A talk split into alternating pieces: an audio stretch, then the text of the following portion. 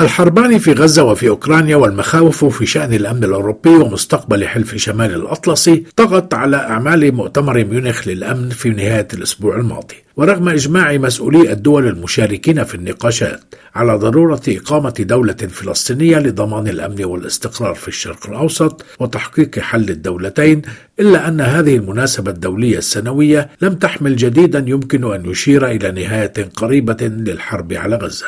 أما في إسرائيل فكانت هناك تطورات عدة مهمة. أولها قرار اتخذته حكومة بنيامين نتنياهو وستطرحه على الكنيست بعدم الاعتراف بأي إعلان أحادي للدولة الفلسطينية أي أنها سترفضه سواء جاء من دول غربية كبرى أو من مجلس الأمن الدولي. ولن تعترف بهذه الدولة إلا بعد مفاوضات مباشرة مع الفلسطينيين. ومعلوم أن المفاوضات معطلة منذ العام 2014 أما التطور الآخر فيتعلق باعتماد هذه الحكومة قيودا قاسية لتقنين دخول الفلسطينيين إلى المسجد الأقصى خلال شهر رمضان المقبل ما يشي بأن إسرائيل تريد انتهاز الحرب على غزة لتنفيذ سياساتها المتخذة بالنسبة إلى تهويد هذا المسجد وتغيير وضعه التاريخي. وبالتالي فإن تقييد الدخول إليه في شهر رمضان سيزيد التوتر في الضفة الغربية. ولعل موقف الوزير بني غانتس عضو المجلس الحربي شكل بدوره تصعيدا